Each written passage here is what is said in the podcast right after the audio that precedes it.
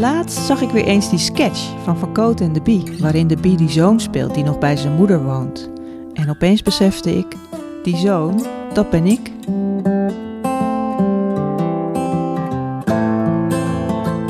Welkom bij de podcast Hallo Liefde. De podcast waarin we vragen over de liefde en het leven beantwoorden. Dat doen we aan de hand van onze eigen levenservaring, de literatuur en de onmisbare hulp van onze experts. Hallo Liefde is goud eerlijk, soms confronterend, altijd radicaal mild en vol liefde. Mijn naam is Karine Hoenderdos. En ik ben Brenda van Os. Met vandaag in aflevering 2 een brief over de vraag: hoe leer ik nee zeggen? Ja, daar zijn we weer aan de keukentafel van Brenda in Haarlem. Zo leuk dat we alweer een mooie brief hebben ontvangen. Die gaat dan over de vraag: hoe kan ik nee zeggen? Dat gaan we straks bespreken. Een heel herkenbare brief. Absoluut. En voor wie de eerste aflevering uh, gemist heeft, wij zijn dus twee journalisten en wij hebben een grote voorliefde voor vragenrubrieken en de antwoorden daarop. Ja, zoek je er ook altijd op ja, in alle kranten en tijdschriften. Zeker. En toen dacht ik, dat wil ik ook een keer maken. En gelukkig wilde jij dat ook. En nu mogen we, ja. Laten we ons nog even voorstellen, ook voor wie niet de eerste aflevering heeft gehoord. Uh, ik ben dus Brenda van Os. Ik ben uh, columnist, uh, journalist en bovenal interviewer. Ik heb een volwassen gehandicapte dochter. Zij is onder meer doof en verstandelijk beperkt. En ze woont in een woongroep al, heel, al een hele tijd en heel fijn. En verder ben ik moeder van twee puberende zoons, die de helft van de tijd bij mij wonen. Dus de ene week ben ik uh, alleenstaande ubermoeder, noem ik het altijd. en de andere week uh, zo vrij als een vogel. En dan uh, sport ik veel en dan zie ik mijn vrienden. En breng tijd door met mijn nieuwe liefde, die op afstand woont. Dus we hebben een latrelatie en ook nog een afstandsrelatie. Een lange afstandsrelatie. Een lange afstandsrelatie. Ja, een lange lat. en ik ben uh, Karine Hoenderdos. Ik ben journalist. Ik schrijf boeken en artikelen. En ik heb ook nog een andere podcast die gaat over gezondheid. Die heet Gezond Gesprek. Ik heb ook een latrelatie, ook met iemand die ver woont, met een leuke meneer. En verder ja, hou ik van wandelen in de duinen. En ik lees elke dag een gedicht bij het ontbijt. En ik heb net een jaar vrij gehad. En dat was heel erg lekker. Ja, ik heb met jaloezie alle reisperikelen gevolgd op Instagram onder meer. Ja, ja precies. Fantastisch. Maar nu, nu, ben ik weer lekker aan het werk, onder andere voor jou, met jou, deze podcast. Ja, en vol energie, dat is fijn. Nou, goed om ook nog even te vertellen wat we eigenlijk doen in deze podcast. We kiezen dus elke aflevering een brief van een luisteraar. Die lezen we voor. En ja, we laten onze eigen gedachten erover gaan. Uh, Putten wat uit onze levenservaring. En uh, misschien ook wel her en der uit de interviews die we hebben gedaan uh, in de loop van, wat is het, 25 jaar lang journalist zijn. En niet te vergeten, we leggen de brief voor aan een van onze experts. Uh, we hebben een behoorlijk mooie pool uh, verzameld. En zij helpen ons bij het beantwoorden van de brieven. Dus, ja, super fijn is dat. Ja, en het is dan elke keer zo dat, dat we één expert vragen om naar een brief te kijken. En één advies krijgen. Anders wordt het misschien wat veel en wat verwarrend. Ja, precies. Zal ik de brief gaan voorlezen ja, dan? Ja, Het is een korte, maar krachtige brief. Kort maar krachtig, ja. Van jongs af aan zeg ik graag ja als me iets wordt gevraagd. Ik doe anderen graag een plezier. Maar de laatste tijd merk ik steeds vaker dat ik eigenlijk van binnen nee zeg. Toch doe ik dan weer iets voor een ander, vaak met op elkaar geklemde kaken. Laatst zag ik weer eens die sketch van Van Cote en de Bie, waarin de Bie die zoon speelt die nog bij zijn moeder woont. Ja, moeder, gezellig wandelen, moeder. En dan tegen de camera: Ik wil helemaal niet wandelen met mijn moeder. Ik wil whisky drinken met een geile vriendin. Maar ik heb geen vriendin, daar ben ik voor behandeld. En opeens besefte ik: die zoon, dat ben ik. Wat nu? Oh, dat is een mooie brief. Ja, en de brief is ondertekend door de ja-zegger. Ja, ik, ik, moet heel eerlijk zeggen, de eerste keer dat ik de brief las, moest ik best wel lachen. Want het is, het is zo leuk, filijn opgeschreven. Ja. En ik zag meteen die sketch van Van Koot en de Bie vormen. Vooral omdat hij ook net heel veel langs was gekomen omdat de Bie is overleden. Ja. Toen ik hem nog een keer las, toen herkende ik wel veel in dit probleem herken hoor. Herken je dit probleem? Ja, zeker wel. Ik denk dat ik wel heb geleerd in de loop van mijn leven om nee te zeggen. En daarbij niet heel vaak over mijn grenzen ga. Maar ik ben dan wel heel gevoelig en een beetje gespannen over de reactie. Ja. Omdat ik het toch moeilijk vind. En als ik dan denk dat iemand teleurgesteld is door mijn nee, dan ja, moet ik heel erg de neiging onderdrukken om dat niet weer te gaan verzachten of terug te nemen. Of, want ik voel het gewoon in je ja, lijf. In mijn, fysiek, ja, Ja. in mijn buik met name. Ja. Dus ik vind dat ook best moeilijk, Ja. nee zeggen. En jij? Ik, ja, ik weet het niet zo goed. Aan de ene kant kan ik dus heel goed ja zeggen. En dat zijn dan de dingen waarvan ik meteen voel, ja, dat wil ik doen. En dat voel ik dan ook in mijn buik, zeg maar. Van, nou, dit is gewoon wat ik moet doen. Aan de andere kant kan ik dus ook heel goed nee zeggen als ik voel in mijn buik weer van, dit moet ik niet doen. Dus ik, uh, ik denk dat ik het best wel goed kan, nee zeggen. En dan heb ik ook niet zo heel veel problemen. Nou ja, het is natuurlijk niet leuk als iemand niet blij is, maar ik denk dan wel van ja, nee, ik wil dit niet doen, ik kan dit niet doen, dus ik doe het niet. Ja, wat goed. Ja, ik weet niet of het echt goed is. Misschien is het ook een beetje onaardig, maar het is vooral dat ik kan voelen wat ik wel en niet wil. Nou, dat is heel belangrijk. Maar dan nog, hè, als je het ook kan voelen, dan moet je er ook nog maar handelen. En niet, niet te angstig zijn voor een reactie. Want krijg jij dan vaak teleurgestelde reacties van mensen? Nou, ik vind, ja, misschien let ik er gewoon niet zo op. Nee, maar dat valt wel mee. Ik denk als je heel duidelijk bent, dat het ook wel meevalt uiteindelijk. Dat denk ik eigenlijk ook. Dus hoe twijfelender je je nee is, hoe meer input je geeft om, uh, om daarop te reageren, denk ik. Hoeveel ruimte je ook laat. Ja, precies. Ja, ja, En misschien zeg ik wel heel ferm nee. Werkt dat goed? Oké, okay, oké. Oké, oké. Ja. ik vind het in ieder geval een hele lieve brief. Ik vroeg me nog een beetje af, is dit een man of een vrouw? Dat, uh, dat weten we Nee, dat uh, weten niet. we niet. Ik dacht een man vanwege die zoon, maar ja, je hebt gelijk, het kan ook wel een vrouw zijn natuurlijk. Ja, ik dacht eigenlijk een vrouw op de een of andere manier. Maar ik, misschien koppel ik dan, en dat is dan heel fout, uh, onzekerheid meteen aan vrouw. Vrouw. Hmm. Ja, hmm. Oké. Minpunt voor Brenda. maar het is zonder twijfel een hele, lief persoon, dit. Uh, Ja. Die ook veel liefde te geven is. Dus het- de eerste reactie die ik er ook bij had, is dat ik dacht: ja, verlies dit ook niet. Hè? Het is niet iets wat je moet afleren. Nee, Omdat je hier. Om anderen te helpen bedoel je? Ja, nee, nee, dat is iets hartstikke moois om behulpzaam te zijn. En het brengt haar of hem ook vast heel veel. Want het, het hoort bij deze persoon, dat Ja. is duidelijk. Maar goed, het vervelende is natuurlijk dat, dat deze ja-zegger wel over eh, zijn of haar eigen grenzen gaat. Ja, en, en, en dat, dat voelt deze persoon nu heel duidelijk. En daar moet je dan natuurlijk ook wel iets mee. Wat jij ook zei, dat aanvoelen is vaak voor mensen het moeilijkste. Hè? Dat je niet op je intuïtie durft te varen. Ja. Ik denk zelfs dat eigenlijk heel veel mensen Het niet eens voelen. Nee, precies. Helemaal Ja. niet weten wat ze nou eigenlijk willen. En alleen maar bezig zijn met wat wil de ander en wat vinden mensen van oh, me. zo. En ja. hoe pakt, past dit in mijn, in mijn agenda? En nou ja, allerlei bijzaken. Dus het feit dat briefschrijver dit al heel goed aanvoelt Ja. en, en in de, zijn Niet of in haar de buik, kaken de- voelt, Ja. dat lijkt mij een ontzettend groot pluspunt. Ja. Ja, dan rest natuurlijk nog hoe je dan in hemelsnaam nee zegt Ja. en daarbij blijft. En ik heb wel eens gehoord dat je dat gewoon kan oefenen. Mhm. Dus eh, met je partner of iemand waar je je heel veilig bij voelt, een vriend of vriendin, dat iemand dan steeds een stapje dichterbij kan zetten. Of, ofwel in je gezichtsveld, maar je kan het ook Oh. oefenen achter je rug. Echt als meer- praktische oefening dit. ja, Ja, precies. Dat het meer gaat om, om het aanvoelen. En dat je dan oefent met je reactie. Welk moment voel ik nu nee? En Ja. hoe formuleer ik dat dan? Ja. En als dat natuurlijk al wat vaker van je tong is gerold, uit je mail is gerold, dan, dan lukt dat de volgende keer eh, beter. Ja, en wat, wat ik mezelf wel de laatste tijd voorhoud, is als je ja doet, maar nee voelt, dan denk ik eigenlijk dat anderen dat ook merken. Oh, dat en je- dat dat ook iets doet met een relatie. Oh, dat vind ik ook wel een mooie gedachte. Ja, dat, je, dat ze voelen van eigenlijk wil je dit niet doen. Je doet dit wel, maar eigenlijk wil je het niet. Ja, precies. En dat, dat is ook, weet je, dan, als je grenzen stelt, dan helpt het jezelf, maar dan helpt het ook een ander om te weten wie je bent en wat je wil en waar Ja. je staat. En als je daar steeds maar diffuus in bent en waarschijnlijk dan ook dubbele signalen afgeeft, je Ja. doet iets wel, maar iemand voelt heus wel dat je daar eigenlijk geen zin in had, ja, dan, dan ben je natuurlijk ook niet ver naar die ander eigenlijk. Nee, het is eigenlijk, eigenlijk oneerlijk wat je bent. Ja. Ja. Ja. Ja. dat is een mooie gedachte. Ja. Dat als je dat beter kan, dat, je dan, dat, de- dat de relatie zelfs kan verbeteren dan daardoor. Ja, dat denk ik zeker. Nou ja, en, en je kan daar ook op terugkomen natuurlijk. Dat als je nou toch weer in een opwelling ja hebt gezegd. ik zit even mee te denken met Ja. onze briefschrijver. Met Onze ja-zegger. Ja. Als hij nou toch weer ja heeft gezegd. Ja, wat let je eigenlijk om een half uur later eh, terug te bellen of zo. En te zeggen, nou sorry, maar ik, Ik heb me ik, heb bedacht. niet, ja, ik heb niet naar mijn hart gehandeld. Ja. En ik had me voorgenomen om dat wel te doen. Dus sorry, maar het is nee. Ja.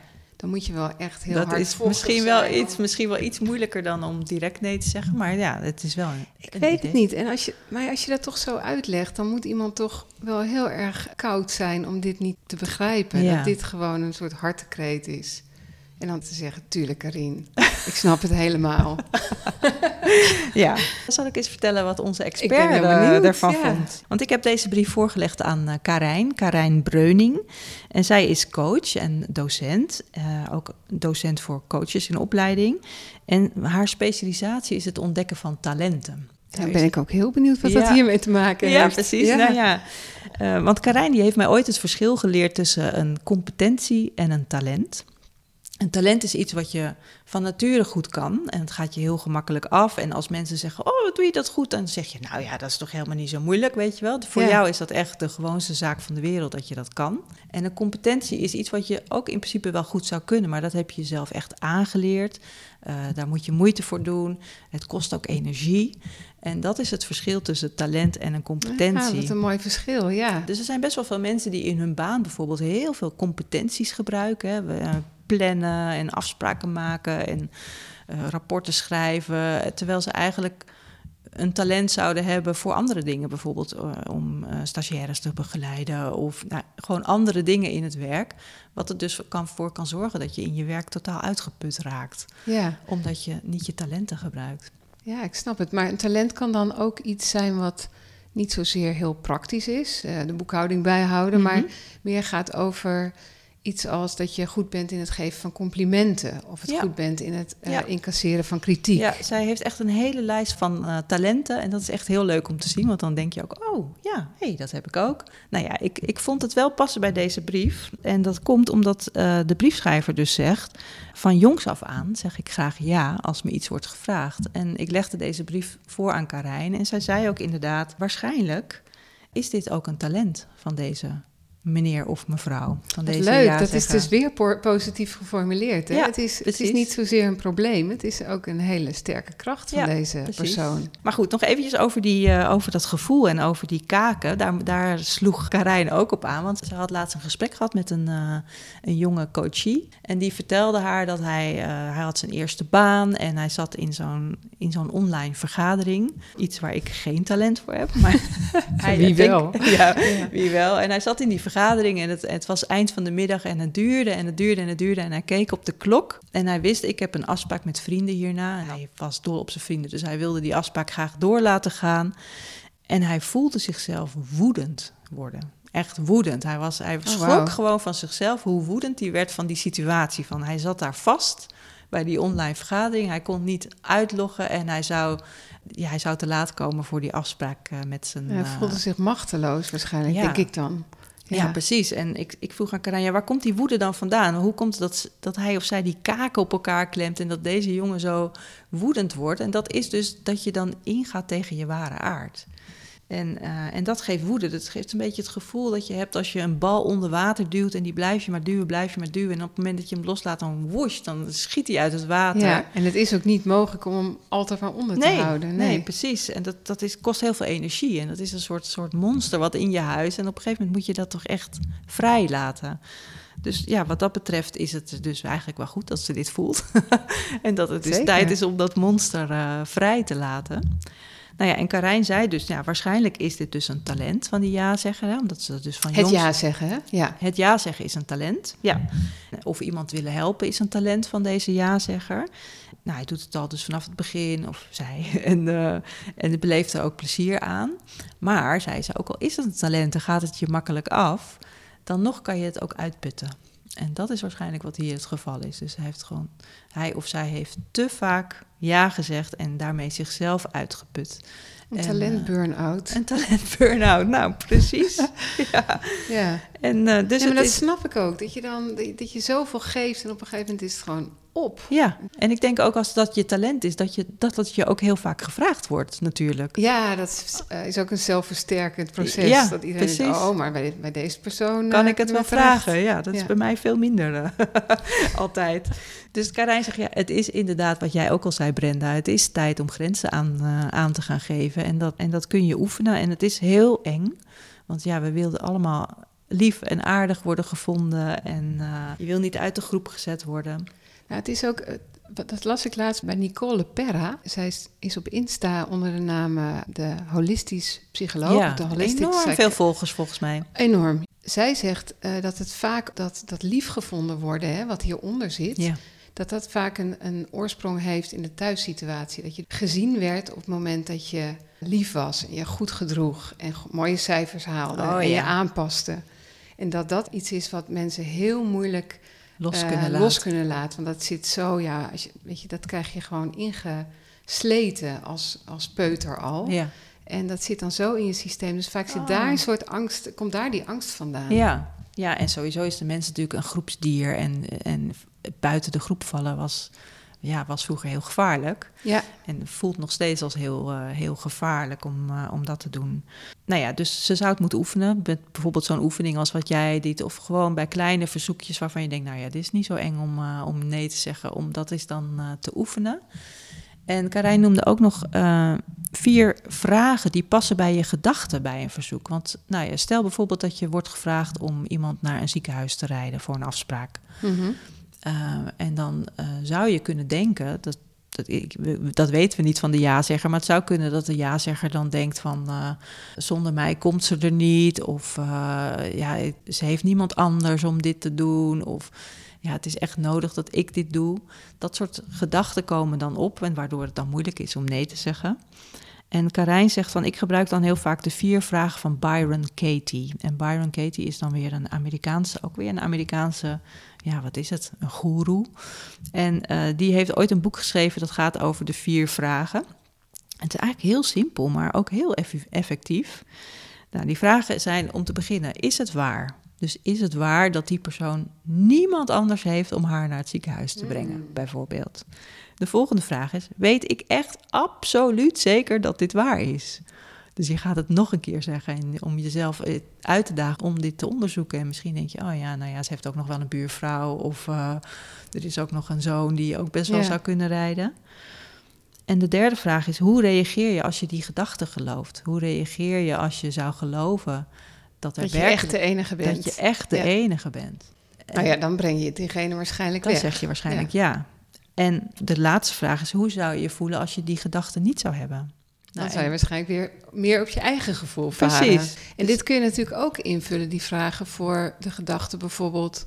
als ik nu nee zeg, dan houdt diegene niet meer ja. van me. Ja, Want dat... ik denk dat dat soort gedachten er vaak uh, onder nog dieper liggen. onder zitten. Ja. ja. klopt. Ja. ja, en houdt die persoon dan echt niet van je als je nee zegt? Dus dat, ja, ik denk dat dat een heel handige, heel handige tool is die Karijn ons, eh, ons hier geeft. Ja, zo kan onze ja-zegger de talent weer leren benutten zonder dat ze er zelf... eh, Zonder dat ze daar aan het Ja. precies. Ja. Ja, dat. Ja. En ze kan natuurlijk ook ja zeggen tegen zichzelf. Hè? Als, je, als je goed ja kan zeggen, kan je het ook tegen jezelf zeggen. En jezelf dingen gunnen. Ja. Oh, dat is een mooie. Waar denk je aan dan? Nou ja, dat eh, ja zeggen tegen jezelf betekent dat je bijvoorbeeld een vrije middag neemt voor jezelf. Puur voor jezelf. Dat is zo, zulke dingen. Ja. Of een heel jaar vrij. Hè? Sommige mensen, Sommige doen, mensen dat, ja. doen dat. Die zeggen gewoon ja, en dan een heel jaar. Het is wel grappig, want ik, ik hoorde laatst een, eh, een podcast over ditzelfde onderwerp ging. Op een gegeven moment eh, kwam er een beller in de, in de uitzending.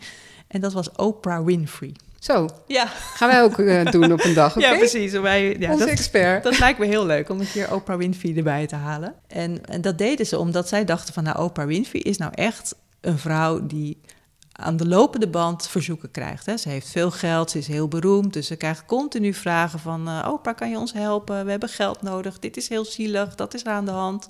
Help ons, help Ja, ons. meer dan ze ooit ja op kan zeggen, Ja, precies. En eh, ze zei ook in die uitzending dat dit echt het allermoeilijkste in haar leven is. Dat vond ik wel eh, opvallend. Oh, ze ja. vindt het echt zo moeilijk om nee te zeggen. Dat ze hier voortdurend mee, eh, mee strijdt. En dat ze daar ook echt al veel hulp bij heeft ingeroepen en zo. En ze vertelde een hele mooie anekdote. Dat ze op een dag weer zo'n gesprek had gehad met iemand. En dat ze had gedacht, nou, wat er ook gebeurt, het eerstvolgende verzoek dat ik krijg, zeg ik gewoon nee. En eh, Oh jee. ja, precies. Heel snel daarna ging de telefoon. En eh, wie was er aan de telefoon? Stevie Wonder.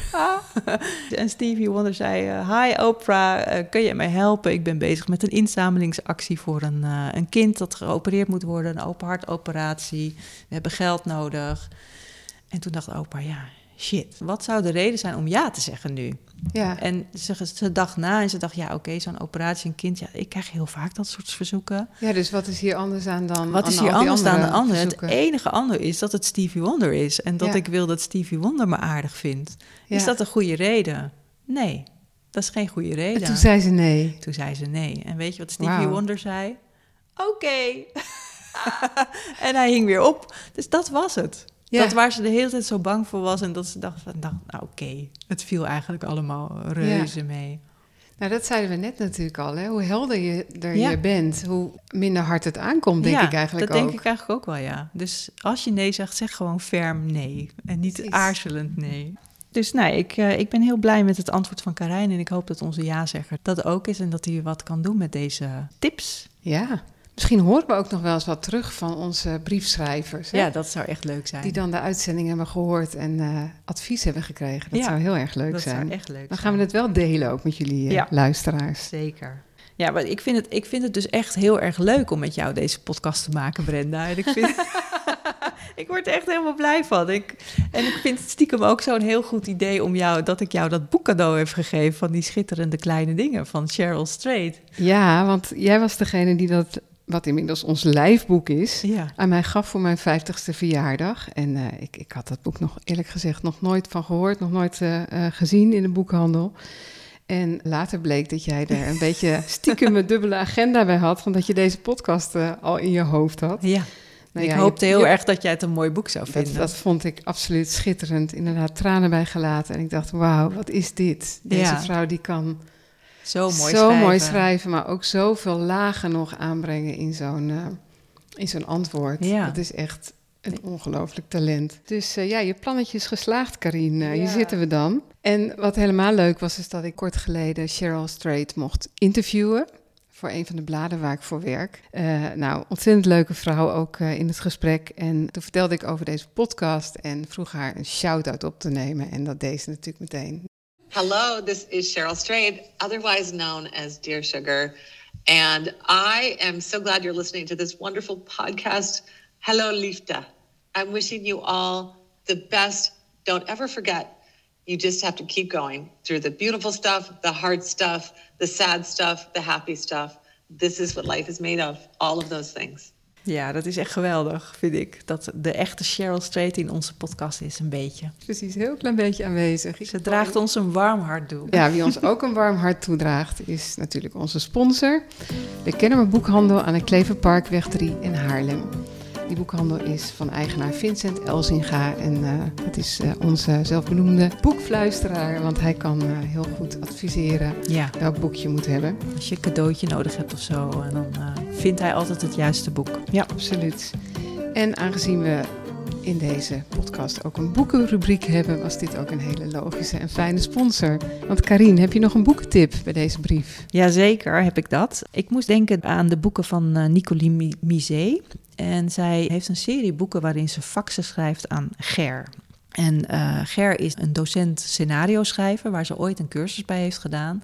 En ze raakte helemaal in de ban van deze man en begon met hem nou, bijna dagelijks ellenlange faxen te sturen. Hemeltje lief. Ja, Een soort stalker. Ja, het klinkt vrij stalkachtig, maar de faxen waren van zo'n hoog niveau en zo grappig dat hij eh, volgens mij er enorm van genoten heeft.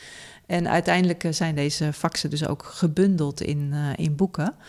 En waarom dacht ik nou hier aan? Omdat Nicolien is echt een type die eh, van nature geen ja kan zeggen, zeg maar. Ze kan gewoon... eh, Ze kan alleen heel maar nee goed- zeggen. Nee, ze kan heel goed nee zeggen. En eh, dat komt om, ja, ze kan gewoon niet plooien en ze kan niet fijnzen. En ze kan dat ook heel mooi analyseren waarom ze dingen niet doet en waarom ze dingen wel doet.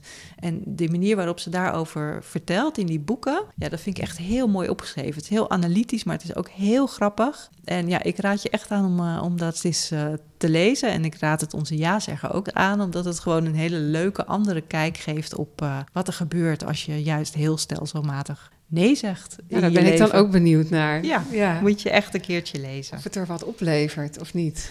Nou, ook wel wel problemen, want om, Ja, ja, ja. Een, eh, om een baan vast te houden als je moeilijk eh, ja kan zeggen, dat is wel lastig. Dus ze komt ook voor problemen te staan. Maar ik vind het vooral heel mooi hoe ze dat uh, beschrijft. Hoe dat werkt in haar hersenpan en hoe analytisch ze dat uh, bekijkt. Ja, dankjewel. En dan zijn we alweer aan het einde van aflevering 2 nou, van ja, Hallo Liefde. Dat ging weer zo snel. Ik vond het fijn en ik hoop dat het voor de luisteraar ook heel erg fijn was om hier naar te luisteren.